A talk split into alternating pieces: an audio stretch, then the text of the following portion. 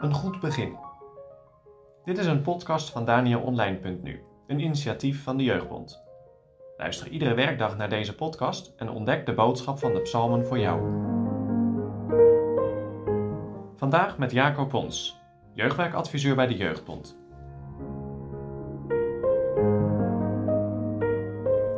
Vandaag lezen we Psalm 130. Open kaart spelen. Een lied Hamaalot. Uit de diepten roep ik tot u, o Heere. Heere, hoor naar mijn stem. Laat uw oren opmerkende zijn op de stem van mijn smekingen. Zo gij, Heere, de ongerechtigheden gadeslaat, Heere, wie zal bestaan? Maar bij u is vergeving, opdat u gevreesd wordt. Ik verwacht de Heere, mijn ziel verwacht en ik hoop op zijn woord. Mijn ziel wacht op de Heere, meer dan de wacht is op de morgen. De wacht is op de morgen. Israël hopen op de Heere, want bij de Heere is goede tierenheid en bij hem is veel verlossing. En hij zal Israël verlossen van al zijn ongerechtigheden. Wat zou jij ervan vinden als vandaag de koning bij jou op bezoek komt? Hij loopt bij jou door de straat en belt bij je aan. Hij wil bij jou op je slaapkamer komen. Nou, mijn eerste reactie zou zijn dat ik dan toch eerst nog alles een beetje op wil knappen en op wil ruimen. Het kan toch niet zo zijn dat je de koning ontvangt in een, in een grote rommel. Je zou misschien snel allerlei dingen nog even onder een stoel schuiven of onder je bed, zodat het voor het oog in ieder geval netjes en opgeruimd is. Maar wat zou jij ervan vinden als de Heer Jezus vandaag bij jou op bezoek zou komen? Ik hoorde van een catecheet die deze vraag stelde tijdens een categorisatieles. Veel jongeren schrokken een beetje van die vraag. Nou, zei een jongen heel eerlijk, ik weet niet of dat hij zo blij is met de muziek die ik luister of de games die ik speel. Of als hij weet wat ik allemaal op mijn slaapkamer doe. En iemand anders zei, nou, als de Heer Jezus lang zou komen, dan moet ik eerst een grote schoonmaak houden. Aanstaande zondag begint de tijd van Advent. Het zijn de weken voor de kerst. En misschien kijk je wel uit naar die kerstdagen en hoop je dat de coronamaatregelen een beetje versoepeld worden voor die tijd. Maar Advent betekent meer. Niet alleen gezelligheid. Het betekent verwachten, uitzien. We kijken uit naar Zijn komst. We verwachten Hem. Daar gaat het om in Advent. Besef je dat? Dat betekent dus dat we niet moeten wachten met opruimen. Nee. Het is vandaag, op dit moment, nu, is het de vraag of dat wij klaar zijn om Hem te ontvangen. Psalm 130 gaat over die verwachting.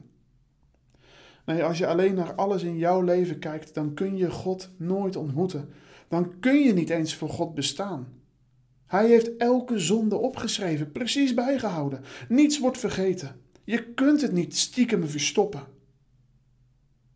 En dat zorgt ervoor dat de dichter roept tot God. Hij speelt open kaart voor God. Hij ontkent zijn zonde niet, maar hij beleidt zijn zonde. En vanuit de diepte, vanuit de diepte van zijn ellende, roept hij tot God. En daar, daar ligt de weg terug naar de Here. Want daar komt ook de omslag in deze psalm. Vanuit de diepte. Maar bij u is vergeving.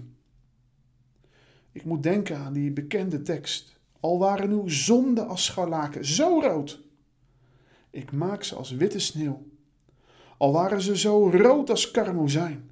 Ik maak ze als witte wol. Eigenlijk zou je hier vol eerbied stil moeten worden. Want weet je, die God, die alles van jou en mij weet, die God voor wie niks verborgen is, die weet wat er in jouw hart leeft, die weet welke zonde je, je stiekem doet, die weet hoe smerig je jezelf kan voelen, die weet wat voor puinhoop jij van je leven maakt. Die God die wil zondaren uit de diepte van de zonde, de schuld, de ongerechtigheid halen. Roep jij vanuit de diepte tot deze God? Verwacht je deze God? Kijk je uit naar deze vergeving, deze verlossing? Hoe donker het dan ook om je heen is, sta je net als zo'n wachter op de muren te kijken totdat de eerste zonnestralen te zien zijn? Dat is Advent. Ben jij klaar voor de kerstdagen? Ben jij klaar om deze Jezus te ontmoeten in de kribbe? Kijk jij rijkhalzend uit naar deze verlossing? Bij mij zijn zonde en ongerechtigheid.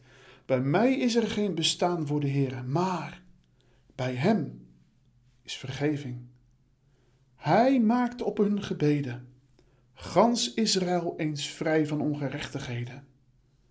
Zo doe hij ook aan mij.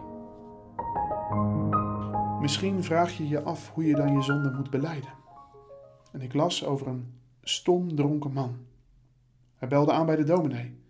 Hij was zijn verslaving zo zat dat hij direct vroeg: Kunt u mij helpen om van de drank af te komen? De dominee zei: Dan moet je bidden en het aan God vragen. En die man begon direct te bidden: Heer, ik ben gisteren met verkeerde mensen uitgeweest. Stop! U bidt verkeerd, zei de dominee. En opnieuw bad die man: Heer, ik ben gisteren naar een slechte plek geweest. Nee, zei de dominee, ook zo niet. Die man die werd een beetje wanhopig. Hoe dan wel? Bid u dan voor mij. En hij vouwde zijn handen en hij bad voor deze man met deze woorden: Heere, ik ben gisteravond weer dronken geweest, maar ik heb berouw. Wilt u mij helpen om ervan af te komen? Dat is de les voor jou en mij.